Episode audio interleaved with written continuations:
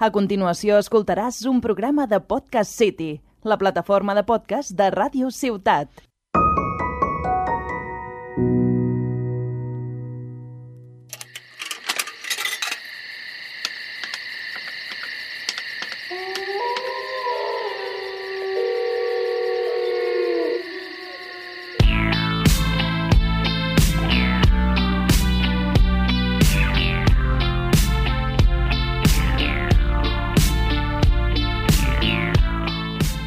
Bon dia, bona tarda, bona nit i bon any, també. Primer programa del 2022 que tornem aquí amb la sintonia habitual, amb el nostre Night Call, que el darrer programa va ser l'especial de, de Spider-Man i per això tenim molta cosa acumulada que jo crec que m'acabaré petant, però bueno, anem a repassar una mica tot el que hi ha.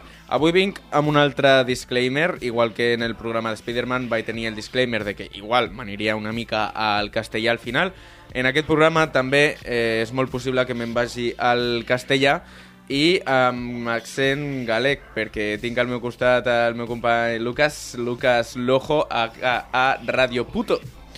Hola a todos y a todas, ¿qué tal? Aquí Radio Puto, una representación un poco más, eh, más intelectual y no tan eh, cómica como en el podcast en que no, yo hago. No, no fijas, Ve, ya está, voy a hablar en castellano. Es que Lucas, con Lucas tengo mucha confianza y lo conoció en castellano y voy a hablar en castellano con él porque si no se me hace muy raro.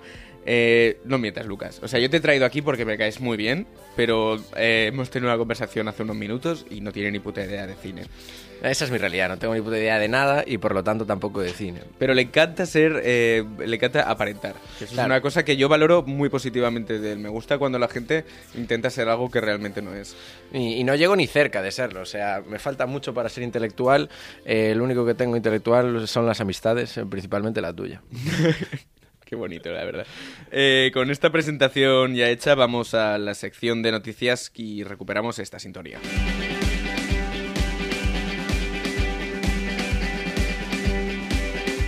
Que no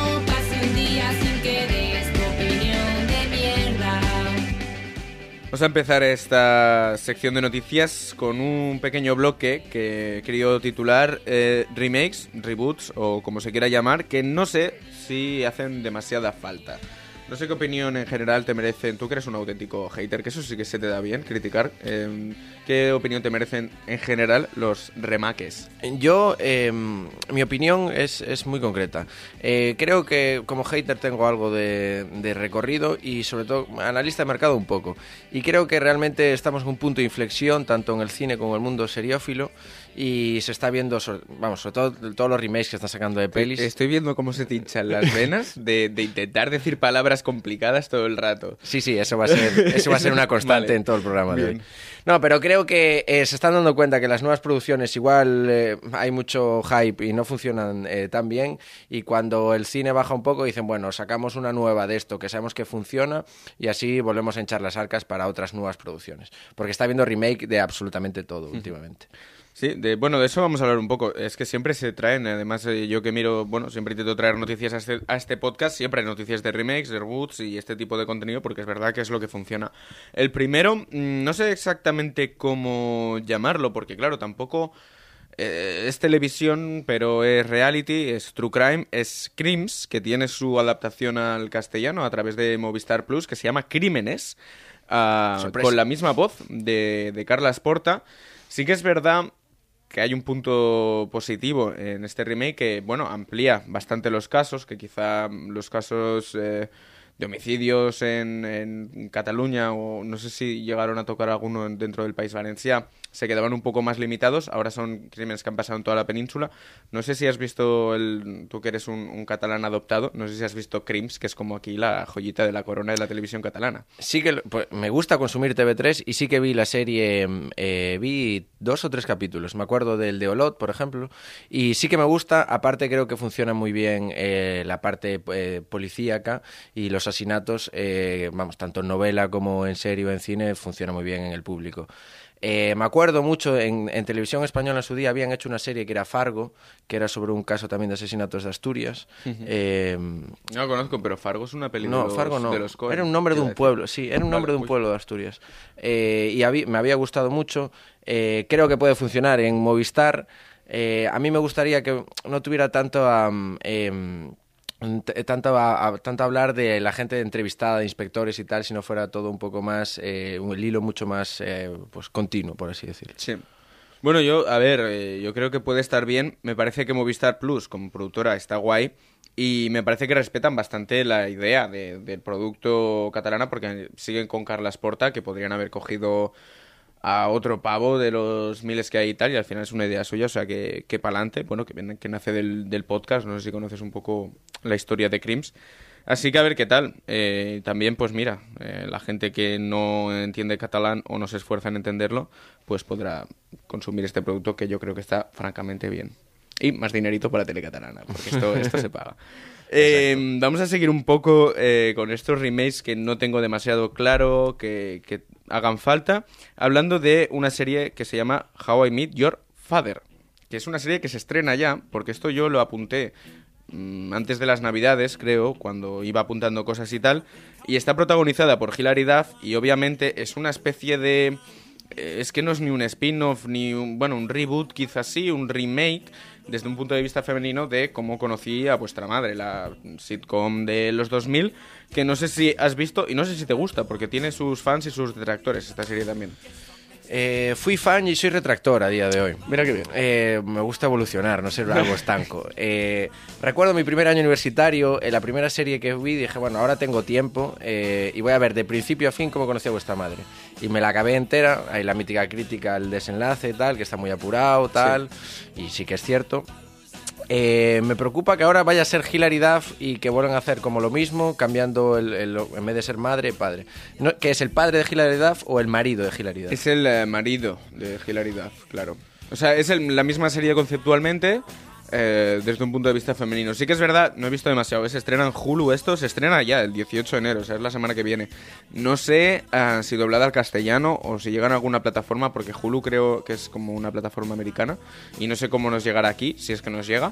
Eh, por lo que vi un poco en el tráiler, sí que es verdad como que la adaptan, que yo creo que eso, pues es una cosa que hacía bastante bien como conocía vuestra, a vuestra madre, que era como hablar mucho de una generación determinada, que eran los jóvenes adultos en los 2000, y esto parece que lo adapta y, bueno, mete esos discursos de, de inmigración, de diversidad, que están presentes en el mainstream hoy en día, Em, pero no sé, a mí me da mucha pereza, en general. Sí, a ver, creo que, o sea, funcionó bien y eso pasa mucho con los remakes. Que funcione bien no quiere decir que en la actualidad vaya a funcionar bien.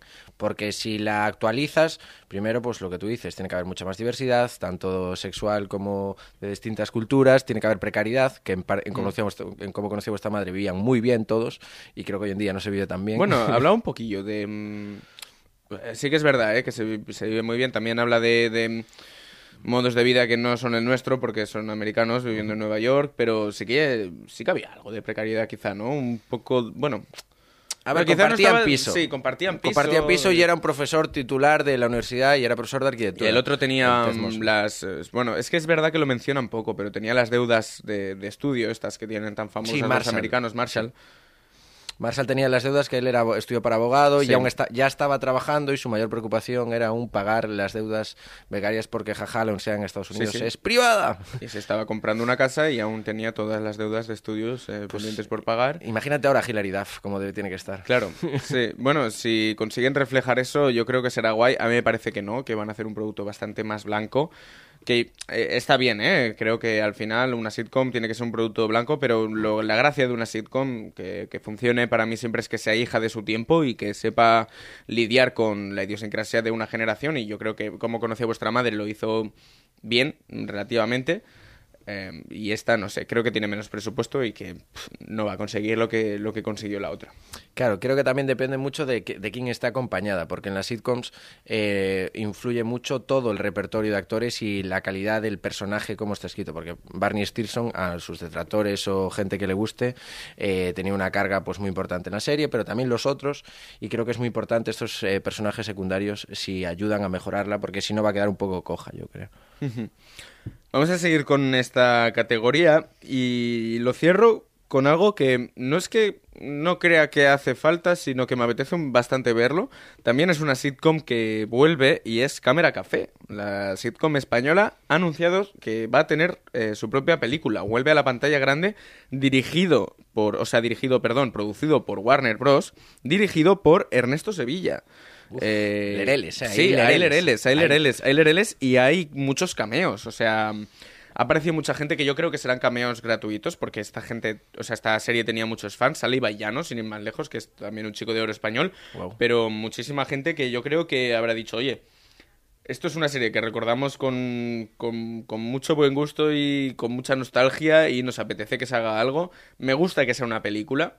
No es vamos a hacer cámara café otra vez, que quizá no tendría sentido, pero sí vamos a volver a esos feels, vamos a recuperar esos personajes y mm, por lo que veo hay alguna referencia como postes de Albert Rivera y así, que lo adaptan también a, a un discurso, porque había mucho discurso político en cámara café. No sé qué recuerdo tienes tú de esta serie.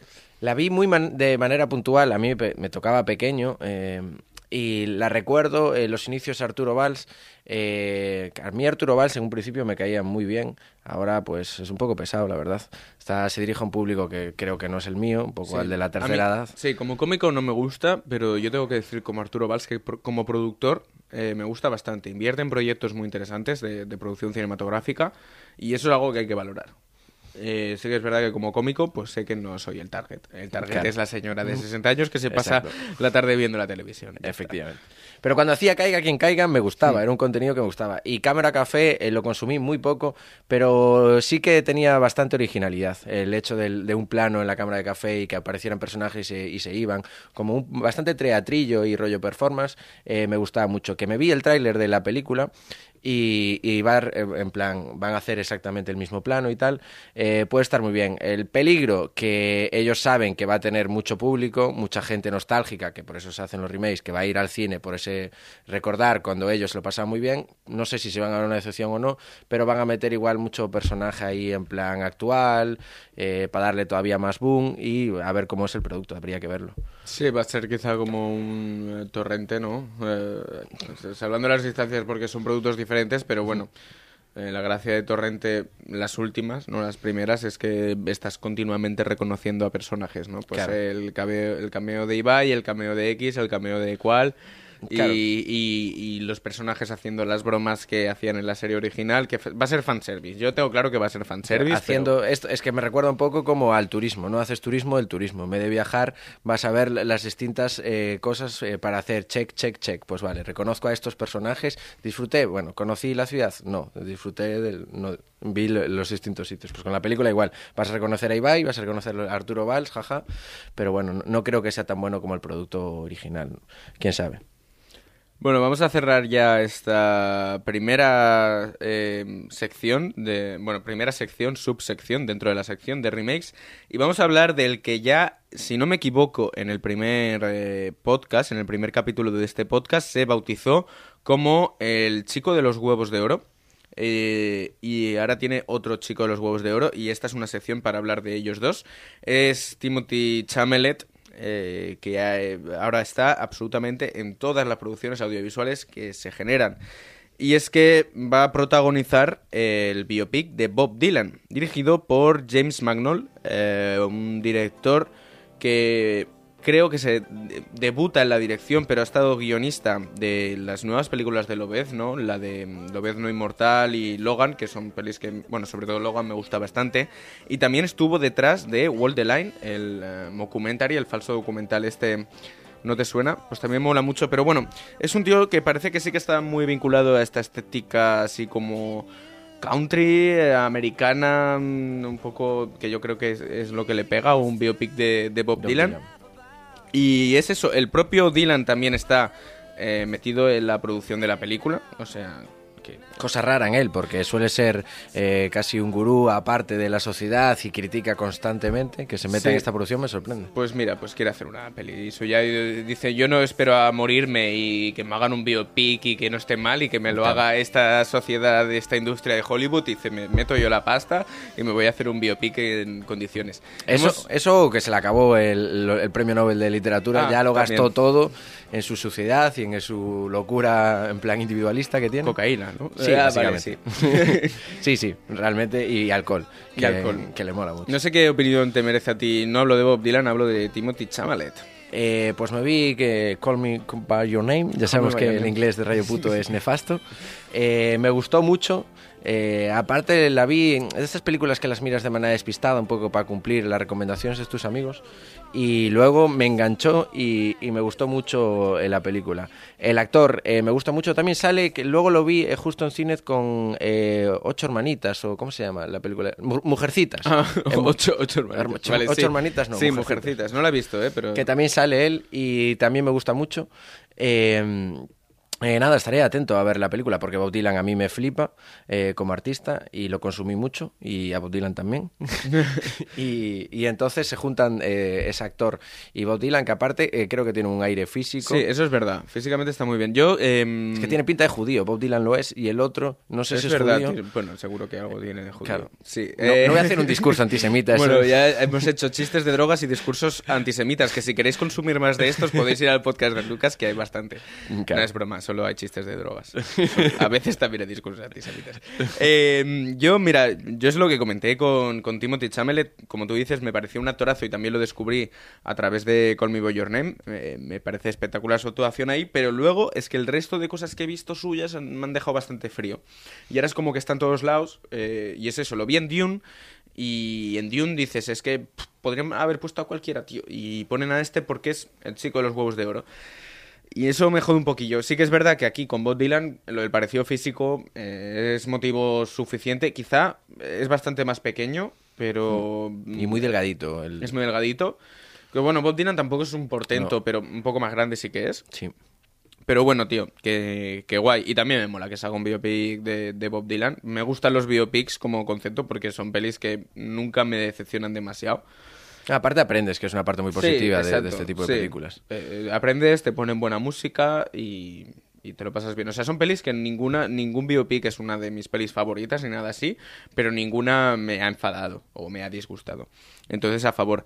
Y ahora voy con el otro chico de los huevos de oro, porque esto también me ha sorprendido bastante, pero se ve que es un rumor, es una declaración, no es oficial, pero han ofrecido a Tom Holland ser presentador de los Oscar que es un poco raro, porque claro, normalmente son presentadores más mayores y conductores de, de algún tipo de De late night, night, exacto, o del programa humorístico, también actores, pero claro, es un tío gracioso, Tom Holland en las entrevistas y tal, pero no es un humorista, no es un presentador, ¿no? No tiene... Ni, ni si se dedicó, en el cine que hizo no fue principalmente comedia, se dedicó a la acción, a todo un poco. Sí. Eh, otros actores que presentaron Hollywood, si no mal recuerdo, eran más dedicados a la comedia americana, a estas gracias, o si no, late nights.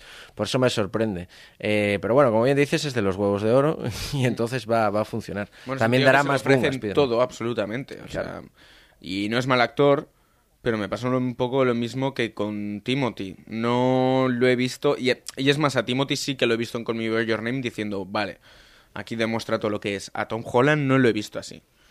Lo vi en la producción de mm, El Diablo a todas horas, eh, que era una de Netflix. Ahí está muy bien, o sea, es como su mejor actuación, pero no es una gran película. Claro. Que esto es lo que tiene Call Me By Your Name, que es, es una, buena, buena película, y es una buena actuación. Entonces Tom Holland ahí tiene una buena actuación, pero no en una buena película. Y yo a Tom Holland aún no lo he visto, o sea, me parece un actor decente, pero no, aún no lo he visto en un papel que diga, vale. A, mí, aparte, Timothy me parece exageradamente más atractivo que Tom Holland. O sea, creo que tiene un rollito... Tom Holland y- se y parece un poco a... mm, ah, No me sale el nombre. Eh, eh, es que no me va a salir el nombre y es muy heavy lo que quiero decir. Eh, José Bretón. A José Bretón. ¿Te acuerdas de José Wow. Bretón? Mírale Sí, a los sí, sí. ojos a Tom Holland. Tiene los el- mismos ojos de José Bretón. Joder. Y no, y no, ya no vas a ver Spider-Man de la misma forma. No, no, no. no, aparte José Bretón se hizo famoso por algo no muy bueno. No, no, no. eh, Yo prefiero las pelis de Spider-Man que la obra de José Bretón. claro, como artista gana Tom Holland.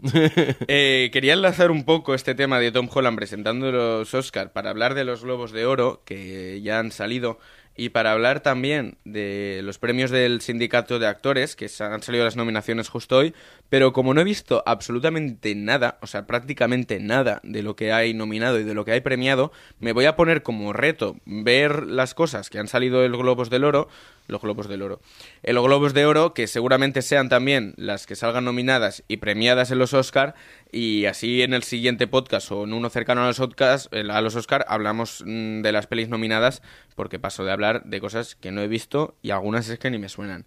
Así que vamos a cambiar esto por una sección.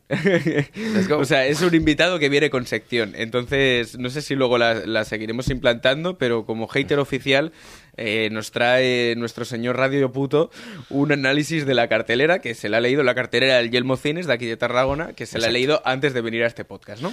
Efectivamente, y voy a dar una buena dosis de hateo porque es lo único que sé hacer en el cine, desde mi ignorancia, hatear. O sea, que es eh, doblemente ignorante, porque primero no sabes y luego por encima criticas algo que ni sabes ni viste, eh, como es en mi caso. O sea, que es, eh, No, no, de- es, deprimente. es espectacular. es me encanta, ¿no? No, a mí me encanta. Eso sí, requiere una buena dosis de seguridad por mi parte. no me critiquéis por esto, por favor. Bueno, vi la cartelera en plan en, en el Los Yelmo del Par Central aquí de Tarragona, mi ciudad que me acogió tan gratamente. Y la primera película que vi anunciada es The Kingsman, la primera misión que es la tercera entrega mm, en la que cuentan que hace un poco como Star Wars que esta tercera entrega vuelven al pasado La precuela. la precuela y hablan de los orígenes de esta agencia con unas buenas dosis de aventura, acción y, para mi gusto, en plan horterada. horterada clara. No la vi, como todo lo que voy a mencionar, porque está en cartelera principalmente. Eh, a mí este tipo de películas, eh, no vi las anteriores. ¿Tú llegaste a ver las Yo anteriores? he visto la primera de Kingsman y está guay.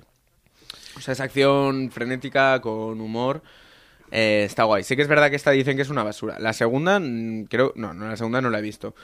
La primera está guay. O sea, hay gente que le gusta muchísimo. A mí me parece que está guay. Son pelis de acción entretenidas y la acción está bien rodada.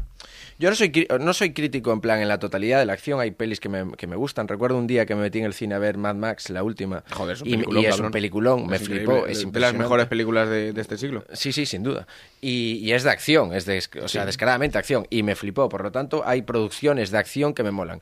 Eh, lo que le pasa a muchas de las películas de acción, y esta, por lo que vi en las críticas, eh, en los que leí y tal, me parece que es una recopilación de escenas de acción seguida con muchos efectos especiales, pero le falta igual un hilo argumental que conecte todo este tipo de escenas. Sí. Y es más cumplir el wow, wow, pum, tum, tum, y flipar que, que no haya un, no sé, un ambiente, una niebla que hile todo y que te genere un- una satisfacción Las- y, sí. y un entretenimiento. Porque Las otras de Kingsman, yo por lo que he visto, eh, también hablo sin saber como tú, pero las otras de Kingsman tenían el hilo ese como satírico que funcionaba bastante bien y esta creo que al ser histórica pierde un poco eso y se convierte como en una peli, ya no de acción, sino en camino a lo bélico, bastante genérica. Lo único, pues yo creo que a la gente que le haga gracia cómo están hechas estas pelis, pues sí que es verdad que la forma en la que están rodadas es bastante guay y tal, pues ir a buscar eso, que al igual tampoco se consigue, ¿eh? porque no tiene por qué que ser rep- replicarse la fórmula que había en las primeras.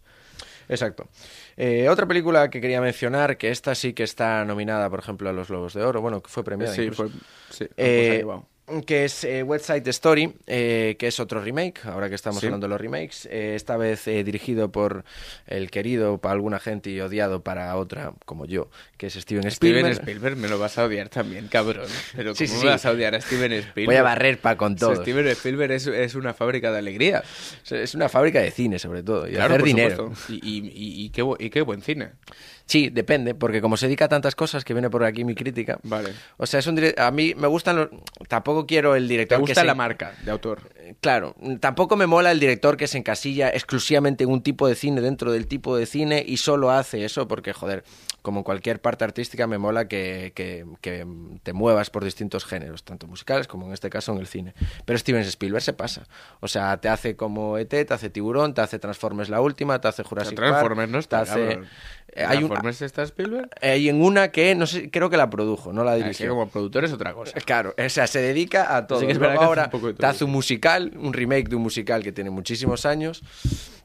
Y que por lo que estuve viendo es un remake eh, muy eh, ajustado, o sea, no innova prácticamente nada y vuelve a contar algo que está súper explotado en los musicales, que es el amor no conveniente en, en una gran ciudad americana y el, el chico y la chica que se quieren pero no les conviene ese amor y luchan contra, contra todo el mundo, que oh, es horrible, como estamos enamorados, pero el amor al final, una vez más, puede con todo. Todo de- con mucha El amor música. heterosexual.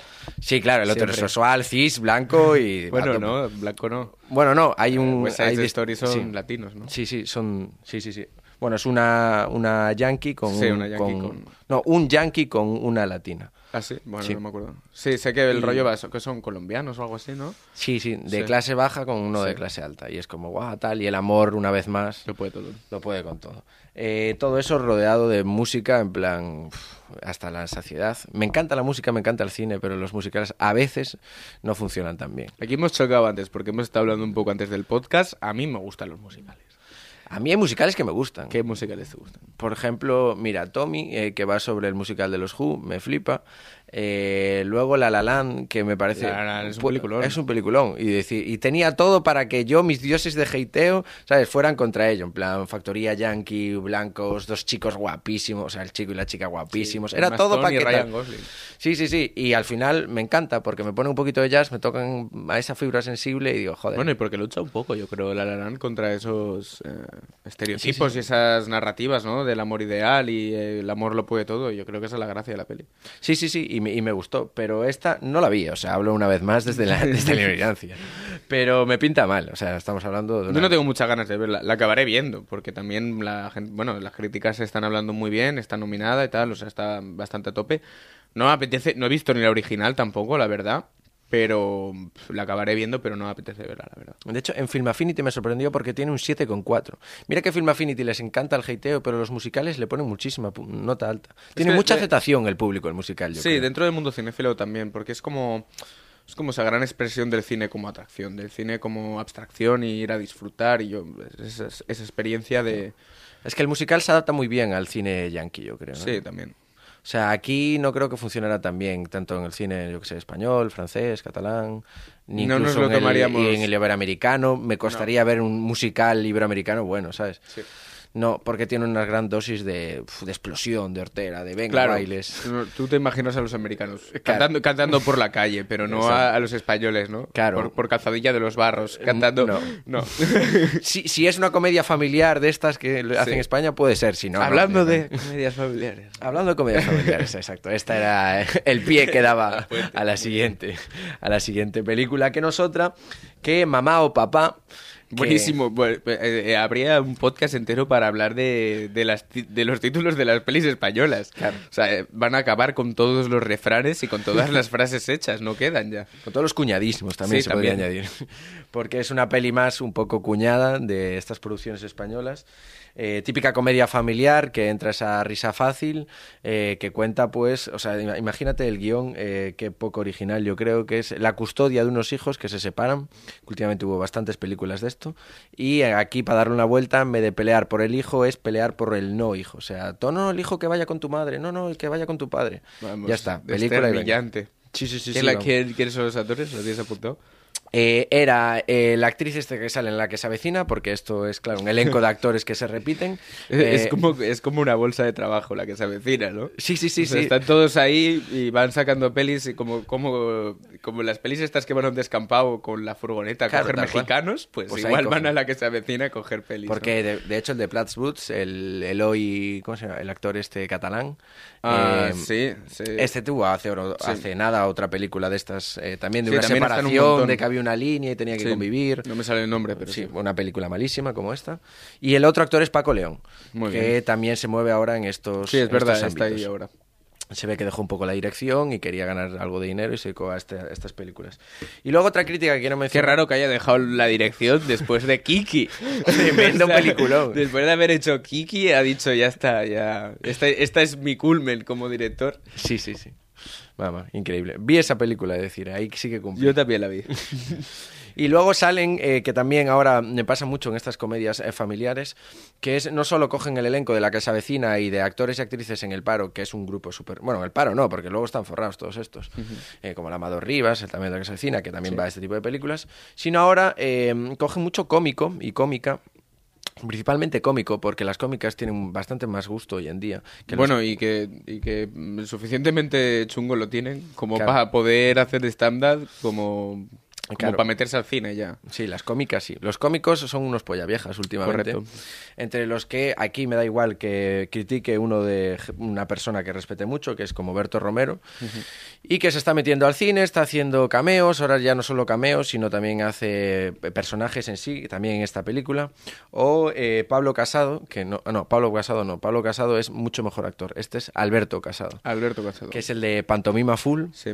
eh, que también se mete en esta película y creo que... No lo he visto en ninguna. Alberto sí que lo he visto, pero Alberto este no lo he visto en ninguna peli aún. Claro, Alberto empezó así la primera, la de ocho apellidos Sí, catalanes. Alberto de decir que me parece muy buen actor, ¿eh? Sí, O sea, es verdad, me, me gusta mucho como cómico, me parece buen actor también. Es verdad que algunos no funcionan igual de bien, claro.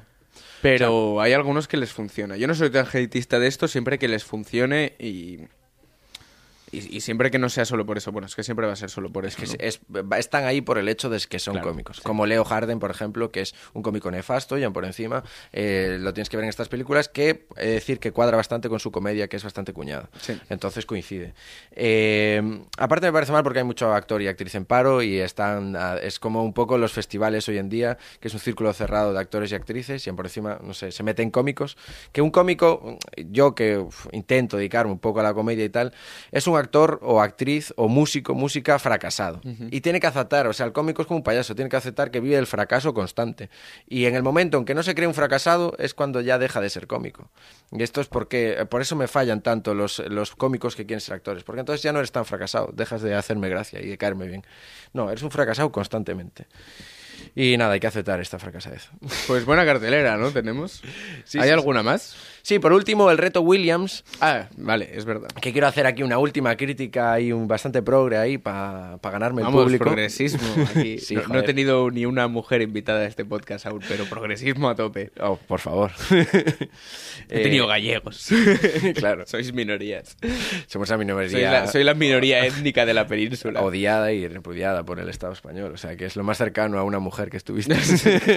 Correcto.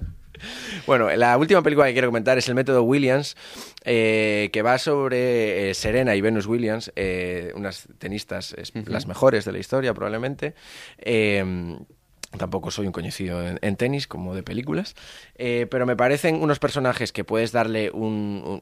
o sea, tienen toda la fuerza eh, para hacer una buena película y destacar el papel de una mujer que rompió barreras y, no solo del tenis, sino mucho más allá. Llegó a, vamos, a ser portada de grandes revistas de deporte y encabezar una mujer, porque ahora pues es un poquito más factible, pero hace 15, 20 años era muchísimo más complicado en deportes tan mayoritarios como el fútbol, baloncesto, tenis, que una mujer destacara tanto como las hermanas Williams. Y aparte más de raza negra. Y me parece eso una, una potencia para hacer una película estupenda, pero me parece que son dos cosas que la cagaron. Una, principalmente el tiempo, 138 minutos. O sea, creo que el cine a veces se extiende demasiado.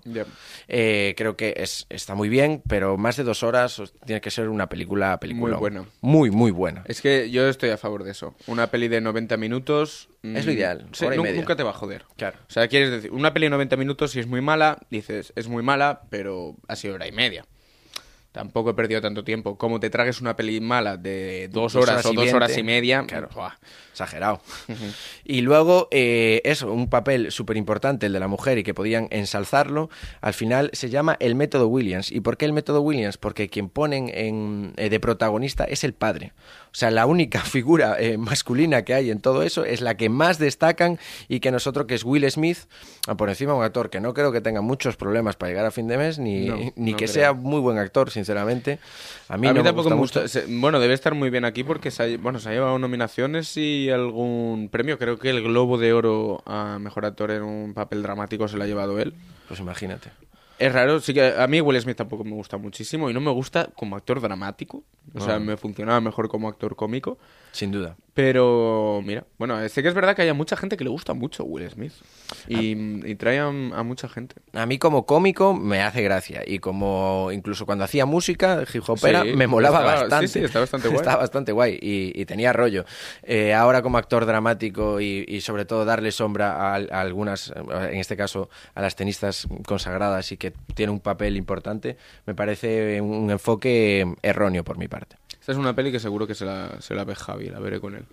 Em, ya está tu repaso de, de cartelera. Hasta aquí mi- Em, mi me parece bien. ¿eh? estoy bastante de acuerdo con todo. Desde la ignorancia de no haber visto ninguna de las pelis de las que hemos hablado. Y ahora ya con esto, eh, para no irnos de tiempo, que es lo que hacemos absolutamente en todos los capítulos de este podcast, vamos a hablar de estas recomendaciones. Y claro, esta también es un poco edición que he visto esta Navidad y, cosas que, que he visto con mi familia, porque esta para eso las Navidades, pero que son cosas recientes. Y primero me gustaría hablar un poquito de Encanto.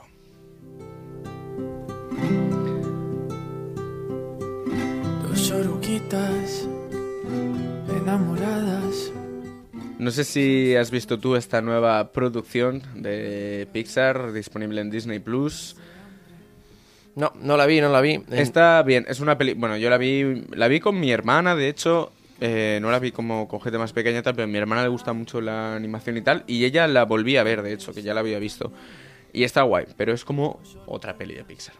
Eh, a valorar, bueno, otra peli de Disney Pixar, porque claro, ahora están fusionadas, pero sí que es verdad que esta es de Disney, es como es de esas pelis musicales, en, más al uso de Disney, no hay princesas, no hay villano, pero bueno, es una producción muy de Disney al uso, con esa calidad de animación digital que, que ya estamos acostumbradísimos, con muy buenas canciones, yo creo que es lo más destacable, y con muchos eh, estereotipos eh, raciales, que, que también le gusta mucho a Disney, porque una vez más, en ambientación latinoamericana, que es colombiana, pero como podrían ser absolutamente de cualquier país de Latinoamérica, um, y se basa en brujería.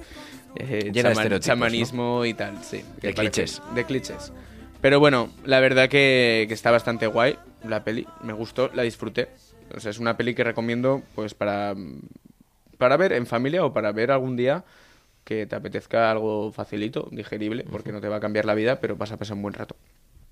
Y ahora de una peli más profunda que también he visto en Navidades con mi familia, que es Don't Look Up.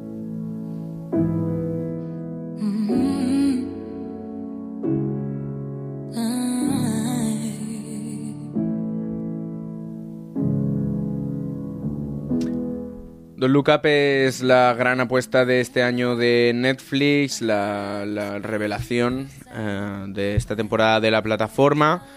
Dirige Adam McKay, que es un director que a mí me gusta muchísimo, porque aparte de ser un director de, cine, de, comedia, de grandes películas, como puede ser Hermanos por Pelotas, que es comedia pura y son buenas películas, eh, bueno, últimamente tiene este tono que mm, busca una comedia más social, más política, que lo hizo con La Gran Apuesta y con El Vicio del Poder, y ahora nos trae esta peli de tono posapocalíptico con un elenco que no sé cómo coño ha conseguido, porque está absolutamente todo Cristo en esta película. Muchos lereles. Eh, están muchos lereles, está Leonardo DiCaprio, está Jennifer Lawrence, está Timothy Chalamet, está... Bueno, es que está absolutamente todo Cristo en la peli, si me pongo a mencionarlos, eh, es de locos.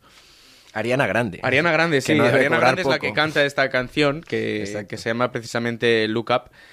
Eh, es una peli que mm, también ha generado opiniones diversas. A mí me ha gustado mucho porque me gusta mucho la forma de hacer comedia de Adam McKay.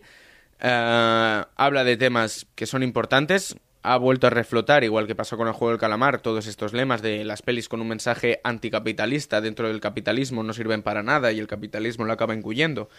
Pero yo creo que lo que hace bien Don Look Up es que precisamente habla de esto. Igual que hacían otras producciones como, como Black Mirror, que hablaban de la implicación de los medios y de la implicación de, de los discursos de, de las empresas y cómo la- las empresas modifican el discurso y la opinión pública.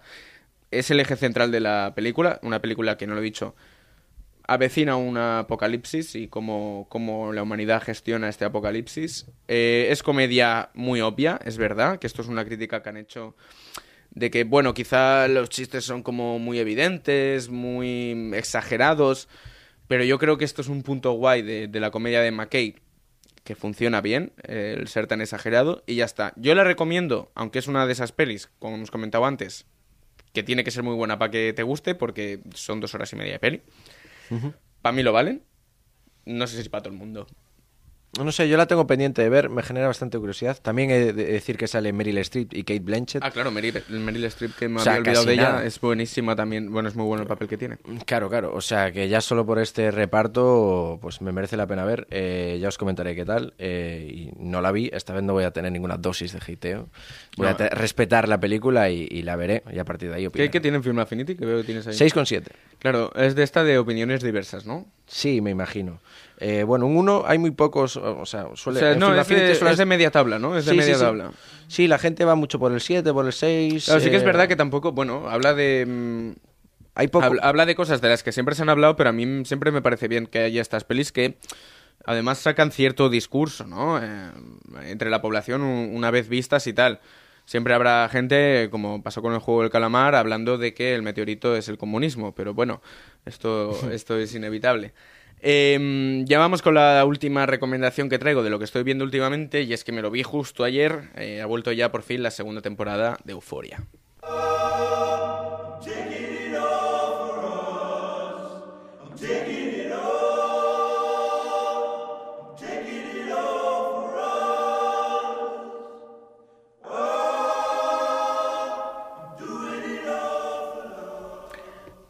La segunda temporada de Euforia ya ha salido el primer capítulo en HBO y es un buen momento para, bueno, todos aquellos, creo que ya he hablado de Euforia en este podcast, pero todos aquellos que no lo hayáis visto, eh, creo que podéis aprovechar. Eh, ya lo dije en su momento, es una serie que mm, puede parecer que no es para ti, porque es una serie que habla sobre adolescentes, eh, pero no habla sobre adolescentes. O sea, es una serie que te dice qué pasaría si los adolescentes tuvieran 27 años, porque es una serie donde los adolescentes tienen más bien problemas de jóvenes adultos. Y toca temas muy interesantes, pero eso es lo de menos, porque es que la dirección es buenísima. Sale Zendaya, que está de puta madre. Sale mm, la otra chica esta que es tan guapa que se llama Demi no sé qué, eh, o sea que pa'lante. Mauli Apata, Apatatau. Esa. Eh, y es una serie que está eso, muy bien dirigida, eh, el vestuario es una pasada, la edición de fotografía es una pasada, el montaje es una pasada, es un producto muy completo que recomiendo a todos. Y ahora, como HBO no hace lo mismo que Netflix y va sacando los capítulos semana por semana, pues un buen momento para verse la primera temporada y puedes incluso enganchar con, con la segunda que, que la están sacando ahora. Y estas son mis recomendaciones. Me he alargado porque normalmente hago una, pero como ha estado las navidades de por medio, quería sacar cositas. Así que si quieres recomendar algo, ahora es tu momento, Radio Puto. Solo un apunte, decir que me parece muy bien lo que hace HBO de dar eh, las dosis eh, de manera puntual. Yo estoy a favor también. Porque no puedes dar todo el pack, porque lo consumes a veces sin, eh, por vicio y no eh, contempladamente en su momento idóneo, sino que estás enganchado a acabar la serie. Y, el, y, y por cómo se habla, tío. Yo me vi forzado a verme el juego del calamar súper rápido porque todo el mundo estaba hablando y dices, es ya la, había acabado. la semana que viene ya nadie va a estar hablando de Exacto. esto. Y Euforia, pues mm, vamos a estar un- unas semanitas aquí hablando de esto que a mí me mola. Se respeta mucho más el contenido. Sí, y que, que- y que también no quiero verme cuatro capítulos en un día, quiero verme Claro. un capítulo por semana, tío, y estar a gusto. Exacto. Y verlo y reflexionar. Y, Y luego, ya me veré y otra luego ver otro y volver a reflexionar. Porque si no, al final te quedas con lo último. Siempre. Correcto. Y me parece un acierto por HBO que humildemente hace mucho mejor las cosas que Netflix. A favor. Hasta ahí bien, ¿no? Sí, sí, sí, sí, no, es que es verdad.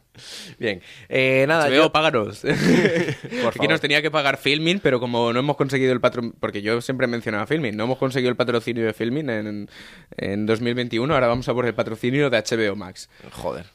Pues no vengo a promocionar una de HBO Max, aunque había Vaya. muchas cosas que promocionar de HBO Max.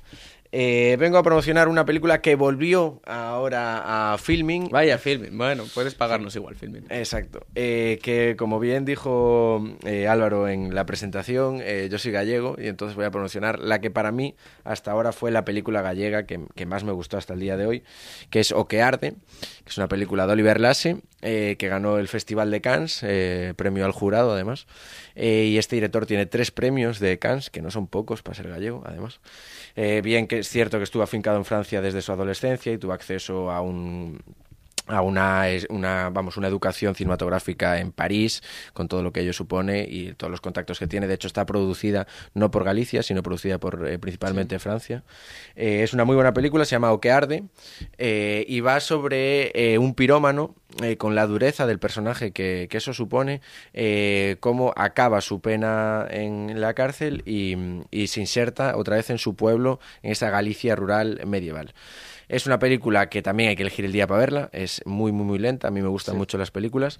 Tiene una carga fotográfica muy importante y mm, esa, sobre todo, baila mucho con la sensibilidad con la naturaleza. Por eso es la fotografía tiene tanta importancia. Es una película, una película por mi gusto muy, muy, muy bella. Muy, muy bella. A mí me gusta mucho que arde. Yo soy defensor de que arde. No he visto Mimosas, que es la otra que tiene Sí. Oliver Laxe, creo, pero a mí que arde me gustó bastante. Y si no me equivoco, es la que va este año a, ¿no? a los Oscar como candidatura española a mejor película extranjera. No sé si no está la nominación aún. ¿O qué arde? Claro, porque los Oscars funcionan un poco diferente y esta peli creo que se estrenó en España en 2020. 19. 2019 se produjo, 2020 se estrenó y puede que durante 2021 se haya estrenado en Estados Unidos.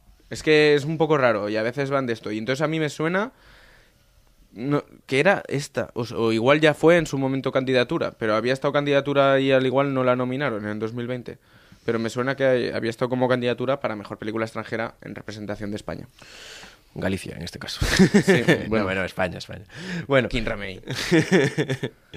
Bueno, aparte de decir que utiliza una cosa que me, que me gusta mucho, que utiliza actores que no son actores. Sí. Utiliza personas propias de ese mundo rural gallego eh, y pues, eh, pues trabaja mucho con ellos, les enseña como tal. Tiene muy poca carga eh, de vocabulario, vamos, de Creo habla, que de diálogo. aquí se conoce como actores no profesionales y un apunte muy tonto, en Colombia son actores naturales.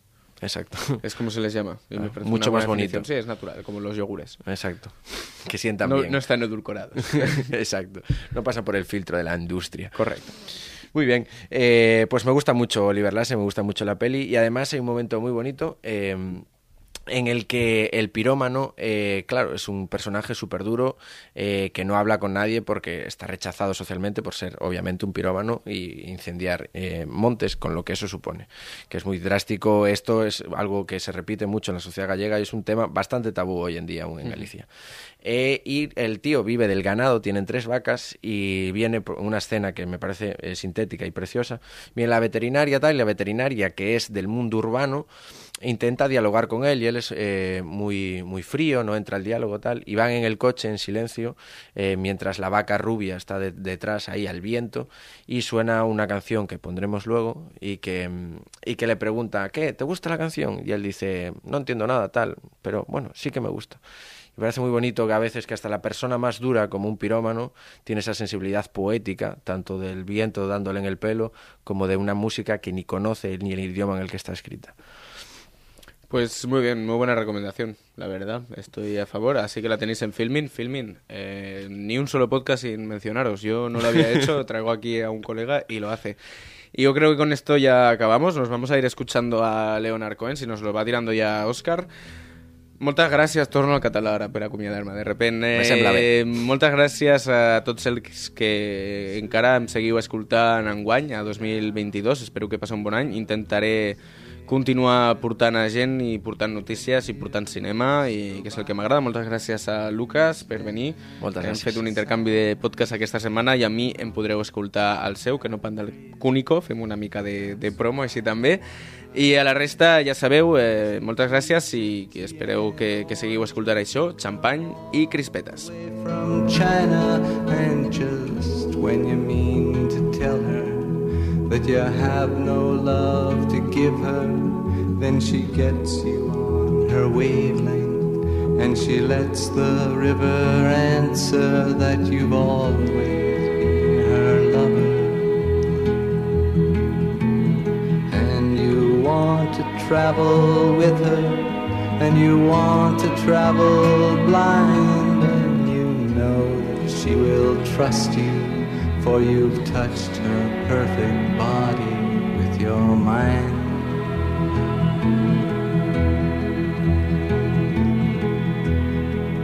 And Jesus was a sailor when he walked upon the water.